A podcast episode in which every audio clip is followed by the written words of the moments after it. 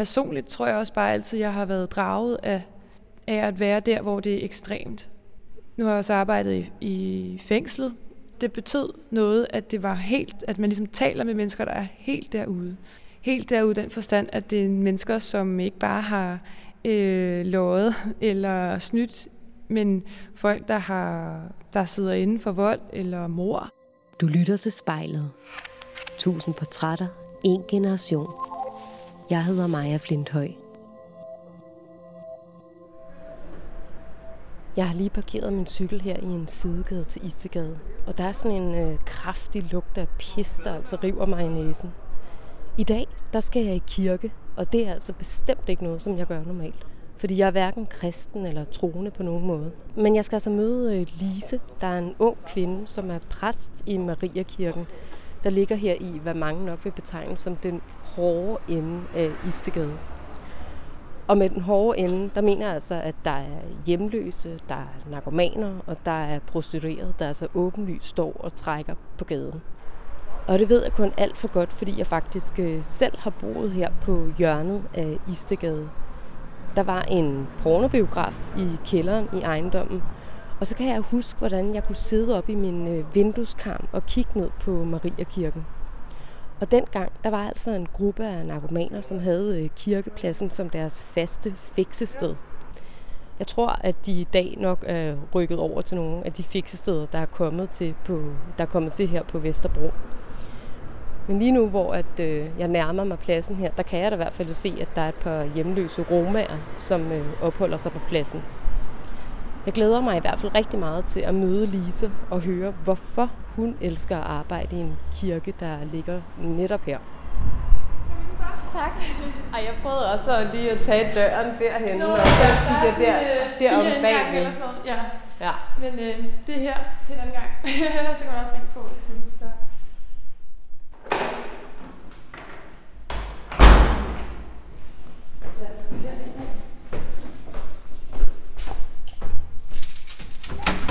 Var allerede åbent.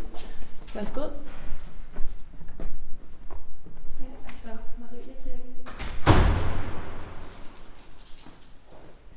Kan du prøve at vise mig rundt og fortælle lidt Jamen, om det? det kan jeg, det kan jeg. Det her, det er øh, Mariekirken. Og som du kan se, så har vi øh, nogle kirkebænke. Og øh, her har vi faktisk øh, natherberg om vinteren, hvor at, øh, der ligger madrasser mellem kirkebænkene, og folk de ligger og sover. Og øh, heroppe, der har vi alteret. Her har jeg, har jeg lige haft bryllup. Dem har vi ikke så frygtelig mange af, men når vi endelig har, så er det ret hyggeligt. Det er som regel noget, man vælger til i Mariakirken, fordi at der er så mange, der ellers bliver lidt skræmte over, at øh, der sidder alle mulige Øh, der sidder en broget forsamling ude på kirkepladsen. I gamle dage lå der jo kanyler over det hele, og, og det har måske gjort, at mange ikke lige frem forbinder det med et romantisk bryllup. Øh, men der har lige været nogen, der vælger det til, fordi at øh, Mariakirken ligesom har den profil, den har. Det er så her ved alderet, at brudeparet knæler, når de har sagt ja til hinanden og givet hinanden ringene på. Ja. Og hvor er det, at du øh, plejer at stå og prædike? Jeg står og prædiker herovre. Det er faktisk en prædikestol, jeg er rigtig glad for, fordi den ikke er så frygtelig høj. Man kan jo ofte føle, at man er meget højt over alle de andre. Øh, hvilket er sådan lidt umoderne, det der med at skulle stå og tale ned til folk. Men øh, så den er stadigvæk ikke så langt hævet over de andre, øh, hvilket er meget rart. Så man føler stadigvæk, at man, ja, jeg siger noget, jeg har noget autoritet, øh, men det er ikke sådan, at det ligesom altid er mig, der har mit på det tørre. Får du nogle gange sommerfugle i maven, når du står heroppe og skal prædike? Ja, det tror jeg, at øh, jeg tror ikke, der har været en eneste gang, hvor jeg ikke har haft sommerfugle i maven. øhm, jeg synes stadigvæk, det er ret, øh, det er ret øh, angstprovokerende, og øh, altid, det er jo en stor opgave, som jeg synes, øh, jeg stadigvæk er meget ydmyg overfor. Det er et stort ansvar at skulle stå og sige noget til mennesker, som jeg tror på, som jeg sådan har forberedt. Det er jo min prædiken. Det er en tekst, som er, er givet på forhånd, som jeg skal prædike over. Men det er jo min fortolkning af den, og det er min, øh, mine tanker, der er kommet ud af at have arbejdet med den her tekst op til søndagen. Det er mit salmevalg. Det er alt sammen noget, jeg har skrevet, så det er noget, jeg skal stå på mål for. Det kan altid gøre mig lidt nervøs. Hvad nu, hvis jeg rammer ved siden af? Hvad nu, hvis det overhovedet ikke taler til folk? Hvad nu, hvis, øh, hvad nu, hvis det var vildt moraliserende? Eller hvad nu, hvis det var... Hvad nu, hvis det ikke sagde folk noget? Den kan altid lige stå sådan lidt, sådan ligge i baghovedet. Lise, jeg har jo også fået dig til at tage præstekjolen på. Ja. Kan du ikke prøve at beskrive, nu ved jeg ikke, om man kan kalde det, dit outfit, dit præsteoutfit? Min uniform, det er en herlig uldkjole, som er vidunderlig her på her om sommeren. øhm, den er enormt flot, synes jeg faktisk selv, med nogle fine knapper. Det dækker mig helt til fra, fra hals til, til ankler. Øh, og så har den nogle fine hvide ærmer. Og så har jeg min øh, pibekrave på her. Den ser ikke så behagelig ud, sådan en øh, krave der. Nej, det er faktisk, øh, den er heldigvis, jeg har fået den efter min størrelse, så den lukker sig om min hals øh, på en øh, måde, så jeg ikke mærker den. Altså jeg kan selvfølgelig godt mærke den, men den strammer ikke. Den passer til min hals. Jeg hedder Lise, jeg er præst, og jeg arbejder i Mariakirken på Vesterbro på Istergade.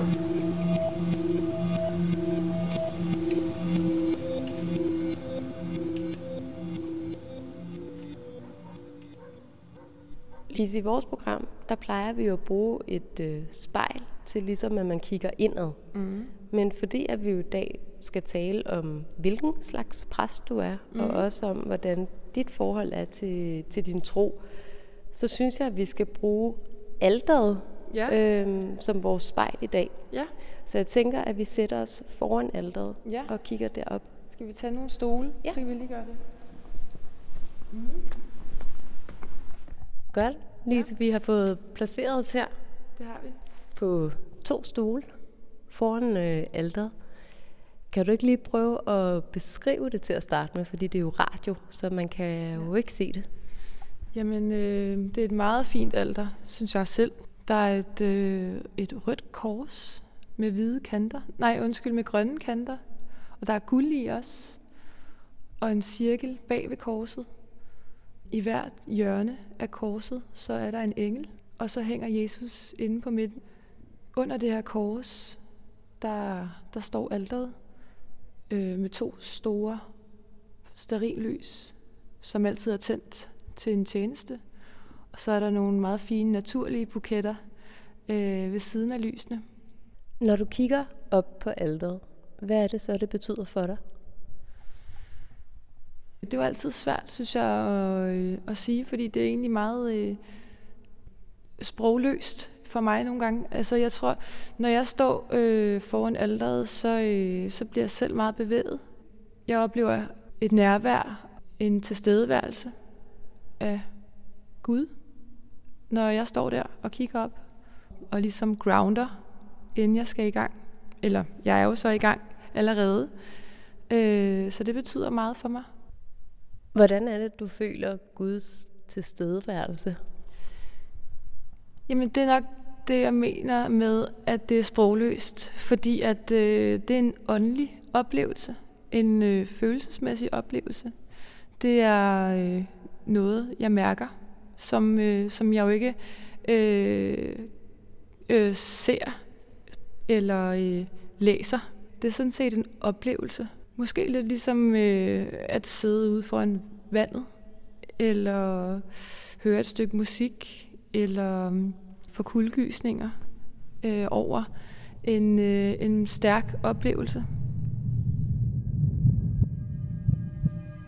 Fader hvor, du som er i himlen, hellige hvor det dit navn, kom med dit rige.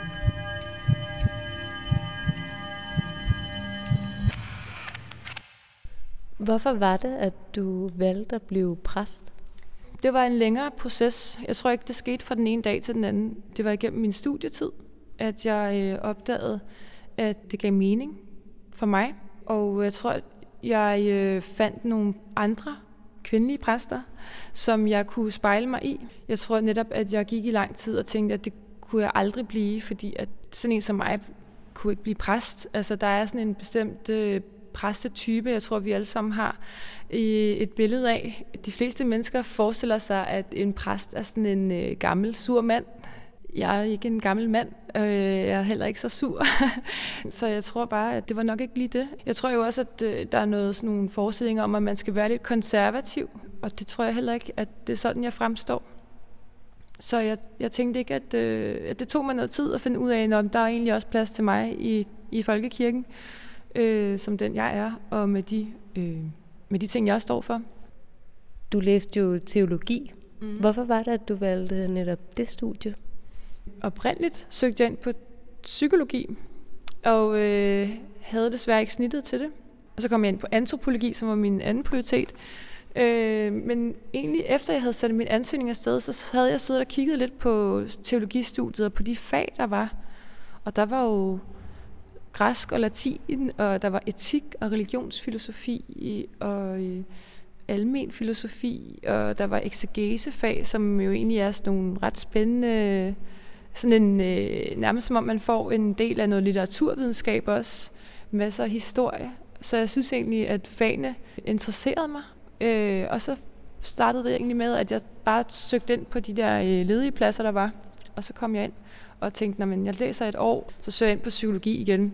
Men egentlig fandt jeg ud af, at jeg var vildt glad for at studere teologi, og øh, var rigtig glad for fagene, rigtig glad for studiemiljøet. Og så fandt jeg nok også ud af, at altså nu var troen så heller ikke fremmed for mig. Jeg voksede op i en kristen familie. Øhm, og jeg fandt ud af, at, at det man laver som præst, også er enormt meningsfuldt. Altså der har man jo også øh, med mennesker at gøre, der har det svært. Det er bare ikke terapi og det blev et sted, hvor at man heller ikke bare skal give mennesker værktøjer til at få det bedre. Det er også, det var, der var noget befriende i at være i de der situationer, hvor at det er eksistentielt øh, og åndeligt, og hvor at jeg som præst ikke skal fikse problemerne eller hjælpe dem med at fikse noget, men egentlig være bedre til at hjælpe mennesker til at være i livet på godt og ondt.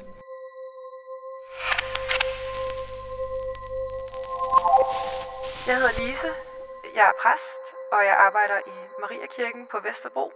Mariakirken er jo et lidt specielt sted. Altså det ligger øh, i hjertet af Vesterbro mm. på Istegade. Og man kan sige, at Istegade er jo ligesom delt i to ender. Der er den pæne ende længere op mod Enghave Plads, og så er der ligesom den hårde, hårde ende, ja. som ligger hernede omkring hovedbanegården, hvor man altså kan se øh, prostituerede, der står udenfor på gaden og trækker, og man kan se øh, narkomaner, der også står og, og stikker sig faktisk nærmest lige foran, måske lige foran Mariakirken også. Mm. Hvordan er det at arbejde i en kirke, som ligger sådan et sted? Altså, jeg synes jo, det er ret fedt. Det er jo en ekstrem. Det er øh, ekstremerne. For det første synes jeg jo, det er vigtigt. Det er jo nok også en værdi, at være noget for dem. Personligt tror jeg også bare altid, jeg har været draget af, af at være der, hvor det er ekstremt. Nu har jeg også arbejdet i, i fængslet. Det betød noget, at det var helt, at man ligesom taler med mennesker, der er helt derude. Helt derude den forstand, at det er mennesker, som ikke bare har øh, lovet eller snydt, men folk, der, har, der sidder inden for vold eller mor. Alvorlige ting, ikke fordi, at andres livskriser er ligegyldige. Jeg tror bare, at jeg trives i at være at arbejde med den slags ekstremiteter. Hvorfor? Jamen, det er et godt spørgsmål. Måske er det, er det mere intenst. Måske er det mere øh, afgørende. Det er helt derude, hvor at det virkelig betyder noget. Altså jeg tror også, måske kan jeg sammenligne det med, at jeg i lang tid også har foretrukket begravelsessamtalerne, og det at skrive begravelsestaler.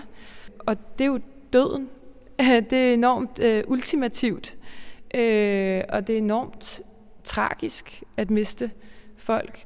Jeg tror bare, at der er et eller andet i den der, øh, det der ekstreme, som, øh, som jeg ikke ved, hvordan jeg skal forklare, men som jeg synes er, er der, hvor jeg synes, det her det virkelig betyder noget. Det her, hvor at det ikke er lige meget, hvad jeg siger, det er ikke lige meget, hvad jeg gør.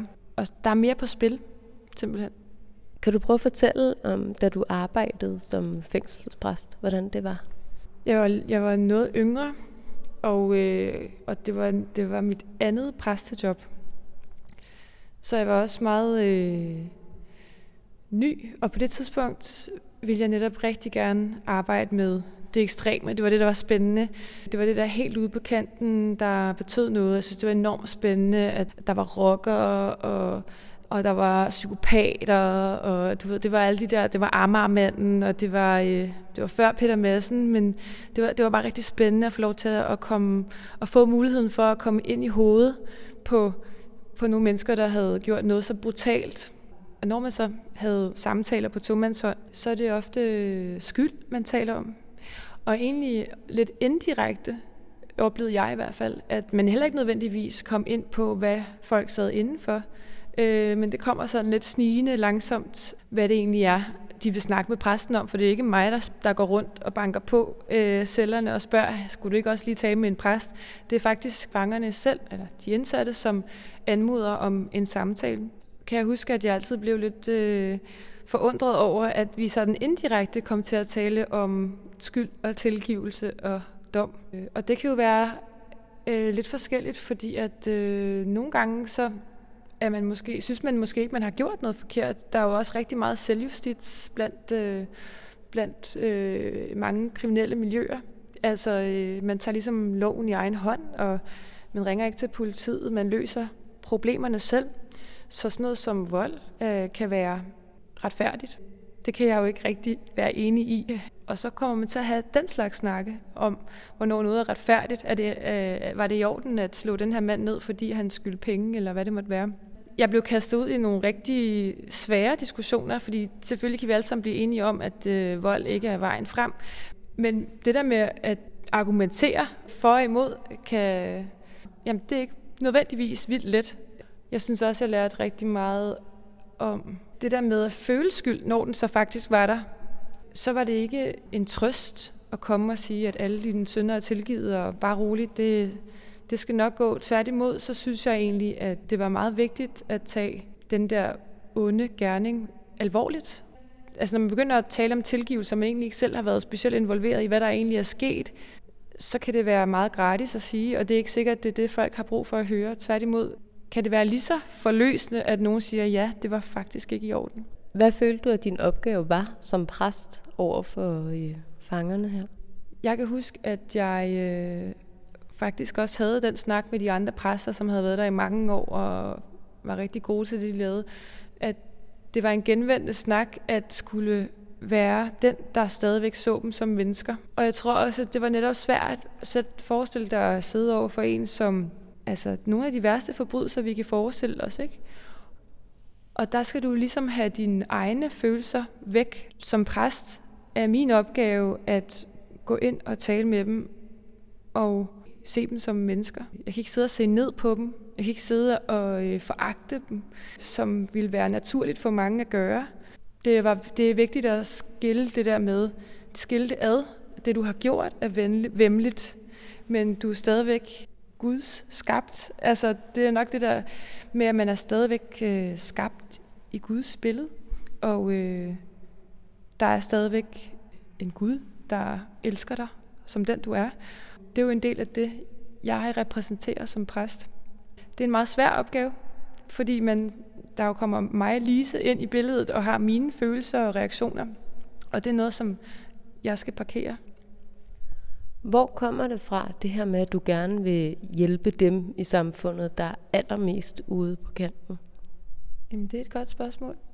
Jeg tror, at det har været sådan, øh, det, det har fulgt mig. Det, jeg har jo også været... Øh, været fredsobservatør i Jerusalem, arbejdet på livslinjen med folk, der har selvmordstanker. Øh, det er bare sådan, det altid har været.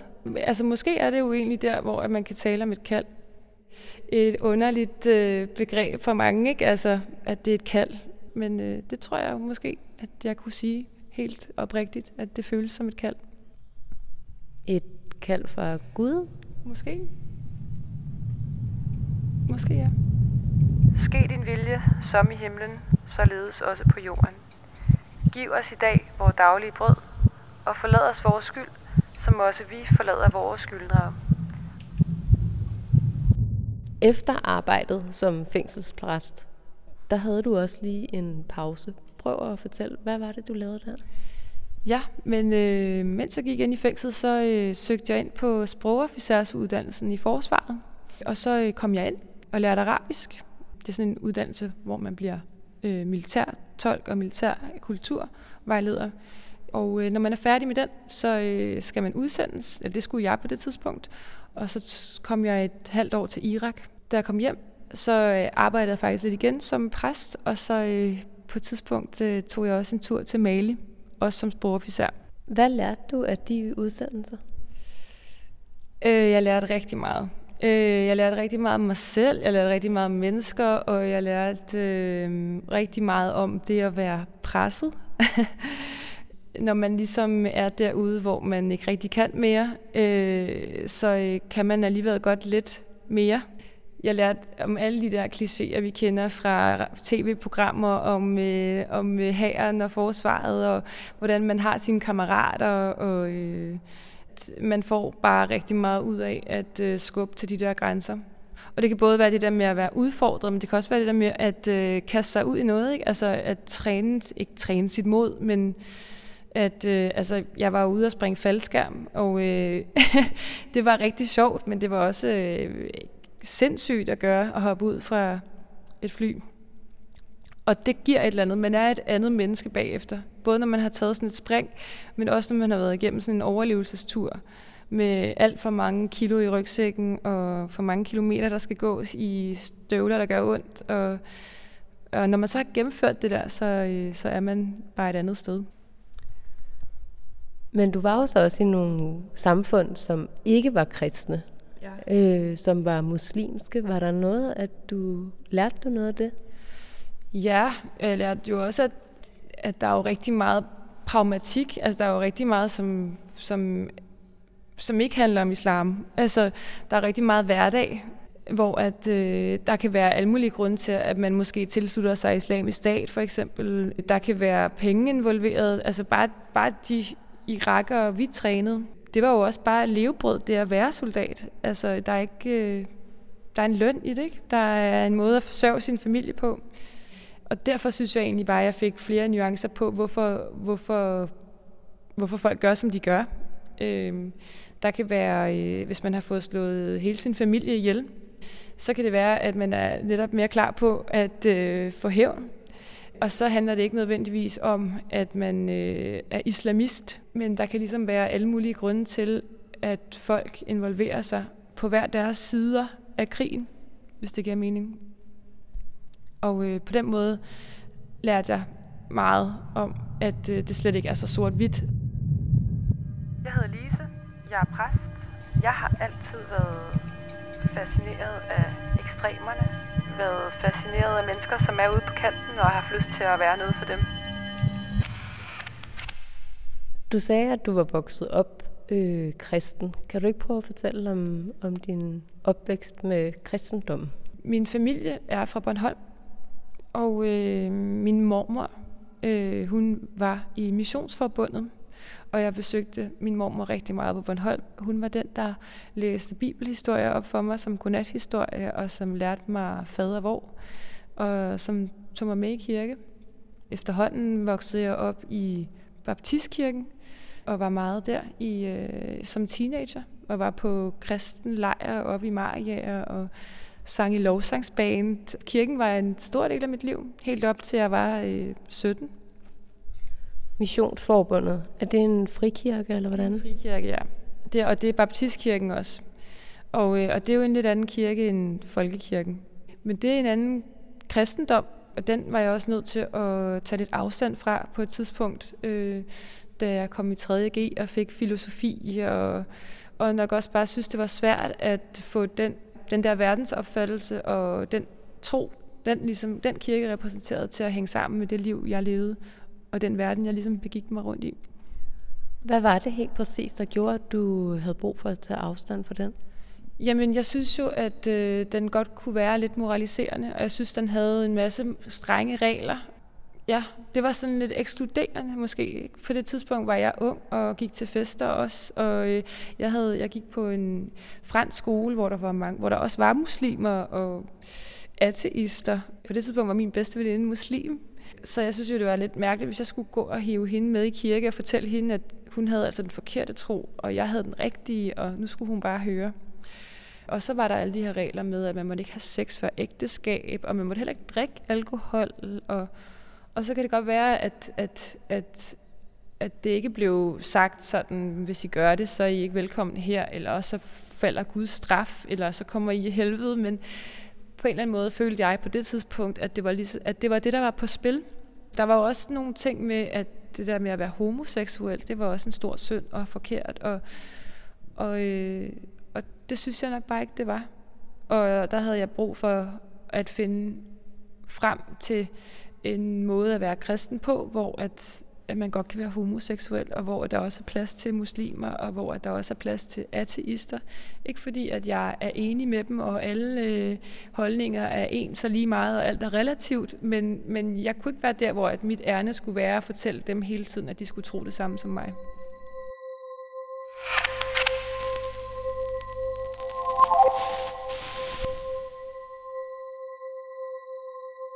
Du er ung, du er kvinde, og du er præst. Hvilke fordomme har du mødt i forbindelse med det? Jeg har blandt andet oplevet, at vi lagde en øh, video om Valentine's Day op på øh, vores Facebook-side.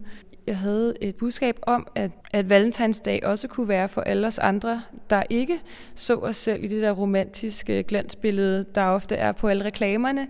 At man sidder på en strand og spiser jordbær og drikker champagne og har det perfekte øh, parforhold, men at der også er alle mulige andre måder at leve sit liv på, som ikke behøver at være forkerte.